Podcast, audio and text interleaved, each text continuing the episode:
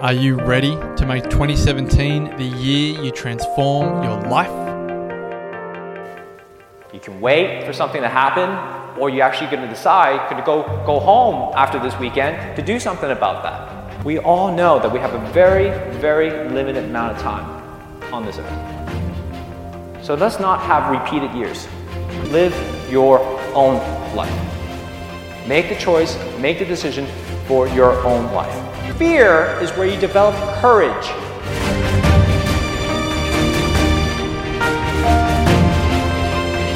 There's a moment going, holy crap, all right, I'm gonna do this now. The wellness breakthrough is coming. And so you actually have that choice every single morning, every single day, every single moment to decide whether you're going to live it to the fullest or not. Join myself, Marcus Pearce, and the wellness guys, Damian Kristof, Lawrence Tam, and Brett Hill, for two nights and three days of transformation at the Country Place. 10 acres of breathtaking rainforest in the Dandenong Ranges of Victoria, February 17 to 19. It's each and every single one of you are going to support each other in your journey, whatever that journey is. Couples discounts available, limited spots remaining. For all information and to watch the spine chilling video, go to thewellnessbreakthrough.com. TheWellnessCouch.com, streaming wellness into your lives. Welcome to Nourishing the Mother, featuring your hosts Bridget Wood and Julie Tenner.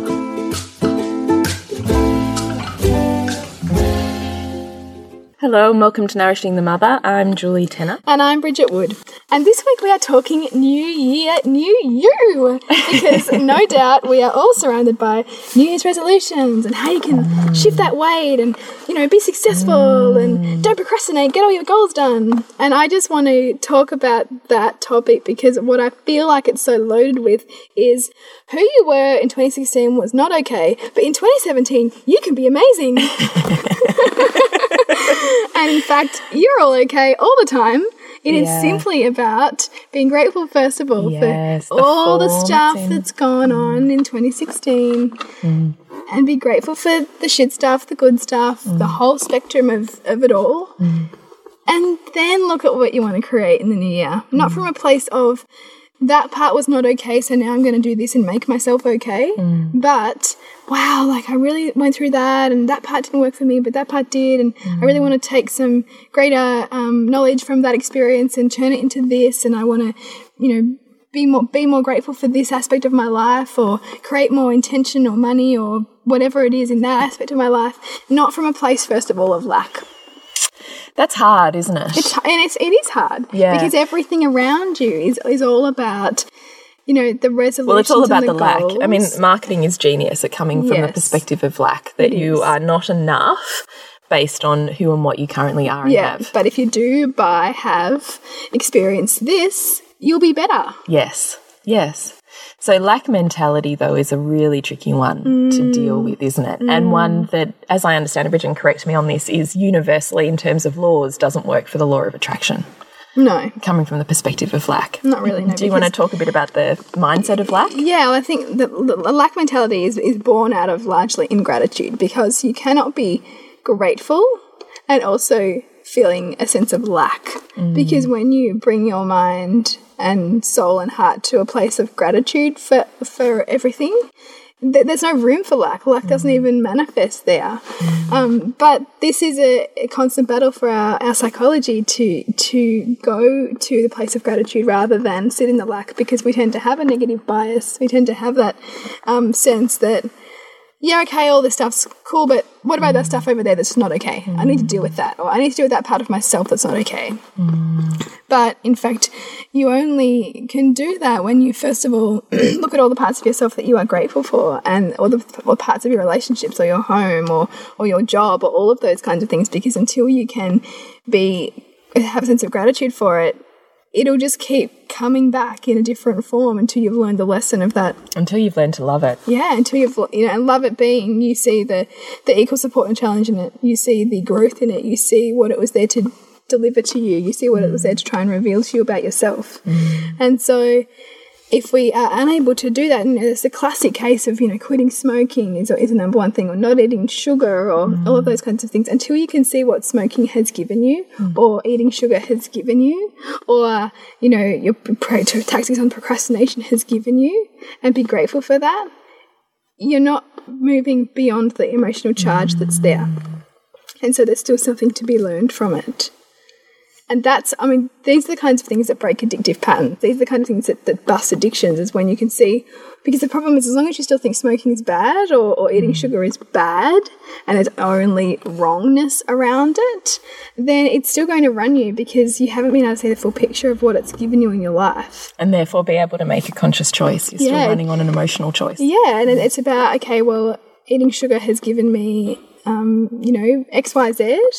And okay, I'm choosing to now consciously give myself those same things, but in this different form. So let's let's instead of XYZ, let's be a bit more specific because I think otherwise, if you haven't done something like one of our courses, it can be really sure. hard to get these these um, ideas. Yeah. So when we're looking at loving something, we're looking at seeing its wholeness. So what has that behavior, person, trait, or thing given us in terms of mm. benefits? So we might only be seeing its drawbacks right now. So mm. therefore we make it wrong or bad or whatever.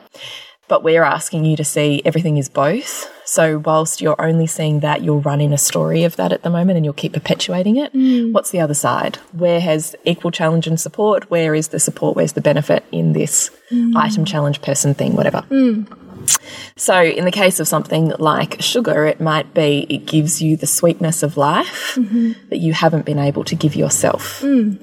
It might be it gives you energy that you're not running in a life that's aligned at the moment, so you're feeling very drained and depleted, and so it gives you kicks in your day. It gives you a moment of pleasure after you've had, you know, a, perhaps you've had the kids screaming and you go and hide in the pantry and have some sugar just to kind of pep you up again. Yeah. And it gives you that momentary sense of joy to help you then give more to your kids again. Yeah. You know, like um, what are some other benefits of sugar? It yeah, totally gives can give you energy. It can be a great distraction mechanism for something that you might have been finding hard to deal with. it helps you mind. avoid pain because it keeps you in, in a, biochemical pleasure, state. hmm Can help you sometimes connect with other people. Perhaps you're, you know, eating cake at a celebration and being part of that, that group and that community means having the sugar and enjoying that with other people. definitely, definitely.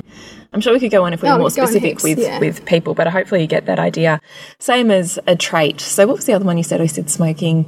It's kind of a thing as well. What's what's a trait? Well, I could. I'm doing some work on my mum at the moment actually, and one of the things I hated the most about her was her um, emotional ups and downs. So she was I would say undiagnosed bipolar. So my childhood was kind of run by this incredibly overly emotional mother that in theory never mothered me because she was never emotionally able to and blah blah blah. There's like this whole big, you know, history and story to it all. And so I was doing some work on um, this one particular trait of overly emotional. And so I listed all of the ways in my life, in specific memory and moment, that I have moments I have been overly emotional, disproportionately emotional. And, you know, each time I'd list one, my facilitator would say to me, Does that equal? Those things combined, they equal how overly emotional your mum was. I was like, no. Like, not even close. She was pretty emotional.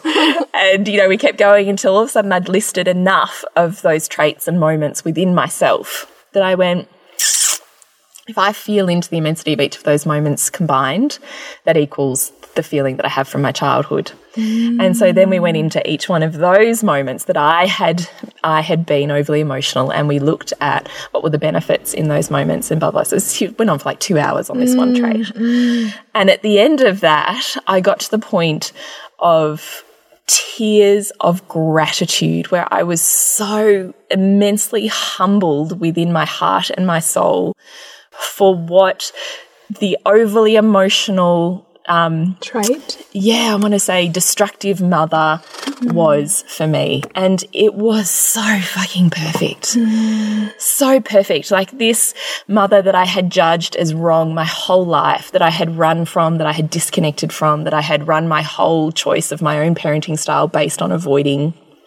This whole thing had gifted me all of that it had gifted me my career. She had saturated me in emotion from the moment I was born. I knew, felt, understood, and could dissect emotion in all of its color. And had I not had her, I would never have that skill set. And that skill set is what has set every other play in my life in motion and what has been the cornerstone of my career. And I think, man, oh, I was just hit with this profound wave just- of, oh, I love it. I'm so grateful for this thing that I had Mm. judged. And, and now I feel awful that I had judged it for so many years as being so hideous. Mm. When in essence, it was utterly, utterly, utterly the very soulful lessons that I needed to be able to give my act of service in this world which I do mm. incredibly well with emotion. Mm. And the other one we worked on was drama. I was incredibly dramatic, like so dramatic. So I did the same process.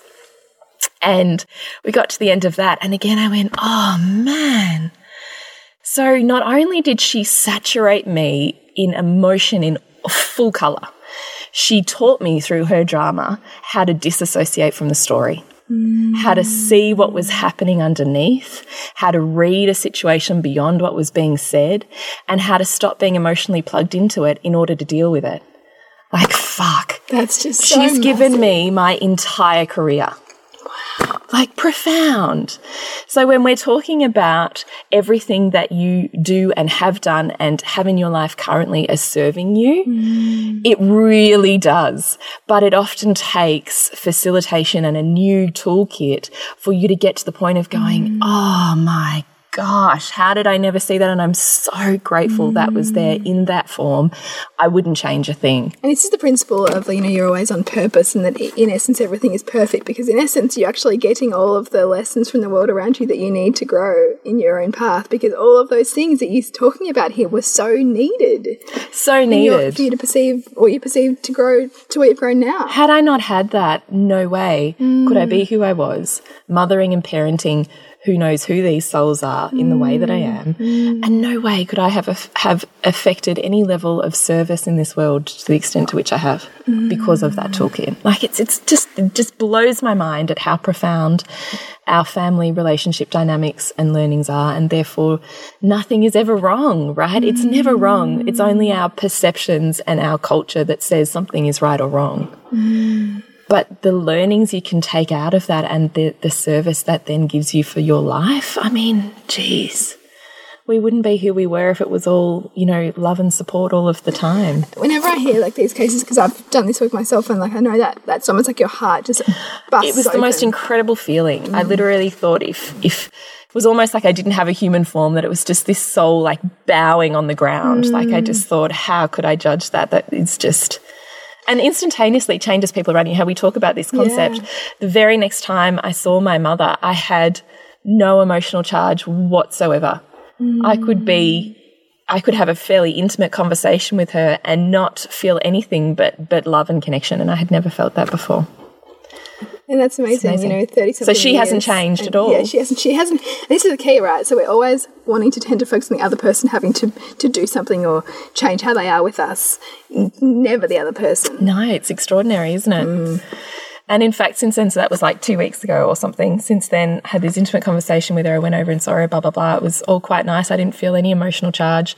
She's like rung me, she's messaged me, she dropped over to clean my house. And I just think, wow, It's amazing. that mother who I thought never mothered me. Mm. She's showing you all the ways. Well, how much was I like putting that story on there? yeah. Mm.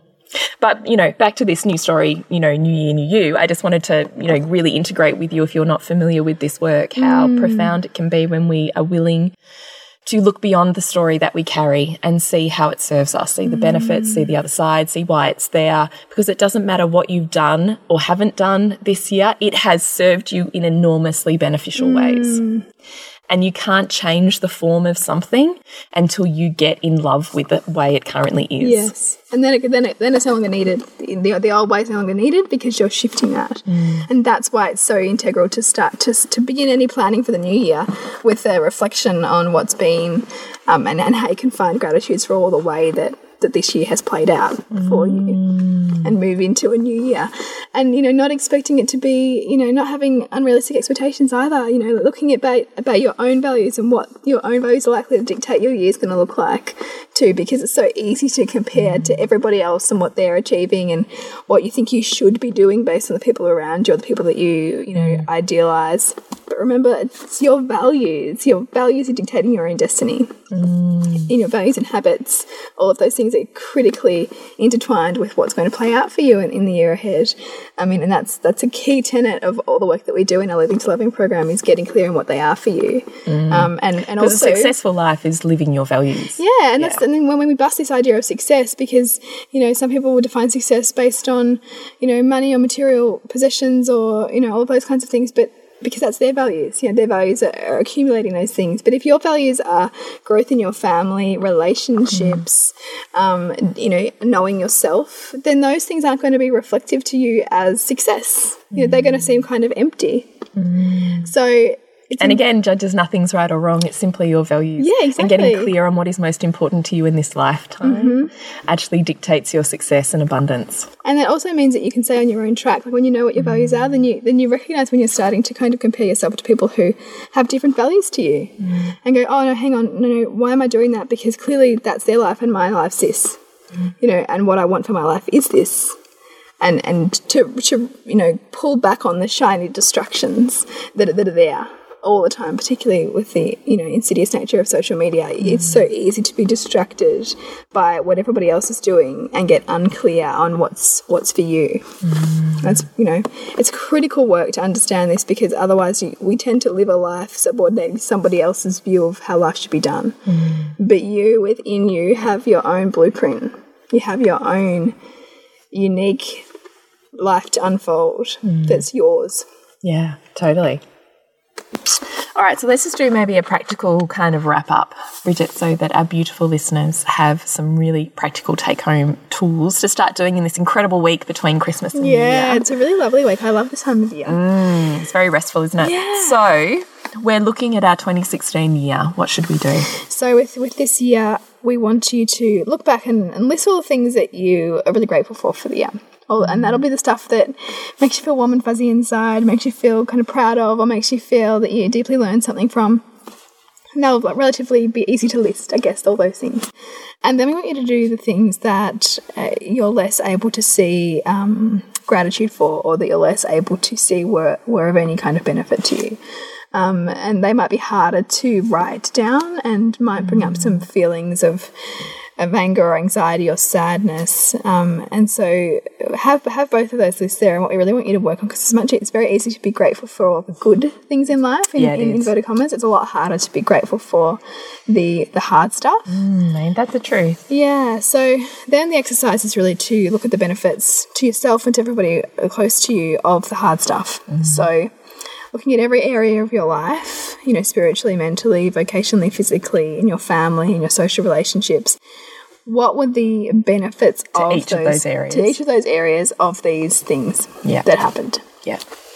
you know how did they help bring your family closer how did they help you get more practical about what was important to you how did they help you mm. plan ahead better mm. Did they save you money? Did they, yeah, produce an outcome or a trait that you use within your career? Mm. Like start looking at each area of life and how it served you. Mm. And that's really powerful because then we can say this, this is the practical work of doing what we were saying before around seeing how the, you know everything serves and mm. seeing how first of all before moving into a state of wanting to create resolutions we need to first be grateful for the year that's been um, and I, you know yes there's so much stuff at the moment around 2016 was a you know bad one let's start the new one like you know hmm, there's I heard the other day one of my friends was telling me it's like a nine nine year cycle thing or something. Yeah, so 2016 was about endings. yeah So right. like endings of careers or jobs or relationships. Like it's a year, it's a nine year hmm. cycle on endings. An interesting one. It yeah. is, isn't it? Mm. which we can really honor that that can then be a space for honoring of that. Mm. But i think it's when, when you're trying to run from something and sort of try and have a clean slate without mm. first being grateful for that thing that you're wanting to run from that it'll just come in a new form in the new year. So that that piece is really important step and is often never discussed in main in the mainstream stuff. You're going to read around resolutions. Um, and then you move on to looking at first of all your values are dictating your life's you know what's important to you. So where do you spend your time the most? What do you think about the most? What do you surround yourself with? Um, mm. what brings you energy in conversations? What can you talk about? What pricks your ears up when you hear other people talking about mm. all of these kinds of feedbacks to you about what your life is demonstrating is mm. important to you? What lights you up? what lights you up basically? We want to then look at the values that you sorry the, the goals that you want to achieve for 2017 or you know, Within those within those values. values and if they're not within those values then how can you link them back to those values so that they get done because unless Yeah, so this is interesting. Do you want to talk about linking? yeah, so linking is the process of remyelinating our um, brain. So we have neural pathways, and, and our habits create and form and deep, deepen our neural pathways. And so that's why the people talk about habits taking, you know, it takes 21 days to, to mm. you know, form a habit. Well, what we can do through linking values is saying linking a behavior. So, say you want to exercise, but at the moment there is zero room in your life for mm. exercise.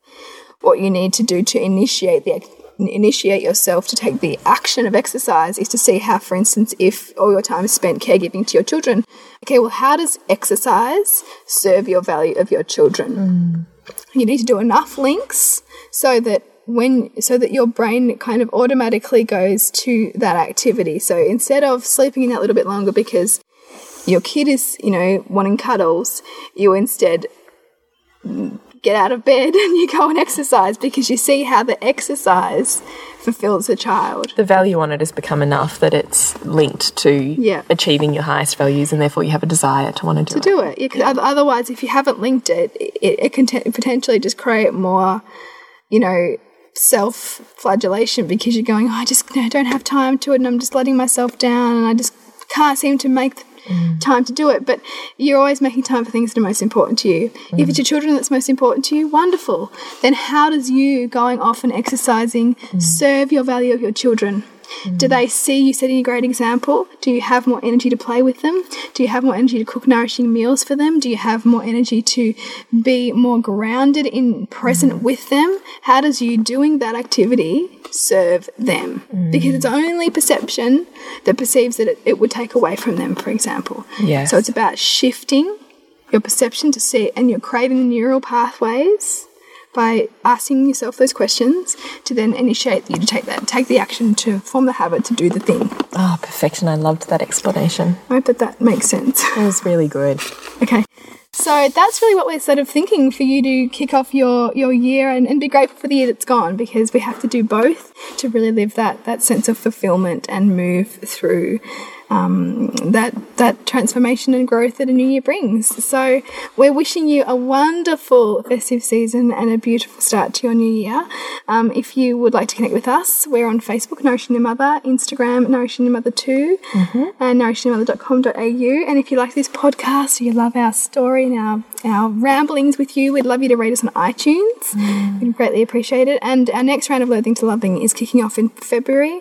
And it's such a great time of year to do the course because we are still so fresh into a new year. And we You want to get clear on your values you and linking? and That's, that's, the it. way to do it. That's the way it? to do it. Um, so we will um, be sending out the details of that shortly. But um, we would love to have you on board. So until next week, when we continue to peel back the layers on your mothering journey. This has been a production of TheWellnessCouch.com. Check us out on Facebook and join in the conversation on Facebook.com forward slash The Wellness Couch. Subscribe to each show on iTunes and check us out on Twitter. The Wellness Couch, streaming wellness into your lives. Whilst the Wellness Couch presenter endeavor to provide accurate and helpful information to their listeners, these podcasts cannot take into account individual circumstances and are not intended to be a substitute for health and medical advice from a qualified health professional. You should always seek the advice of a qualified health professional before acting on any of the information provided by any of the Wellness Couch podcasts.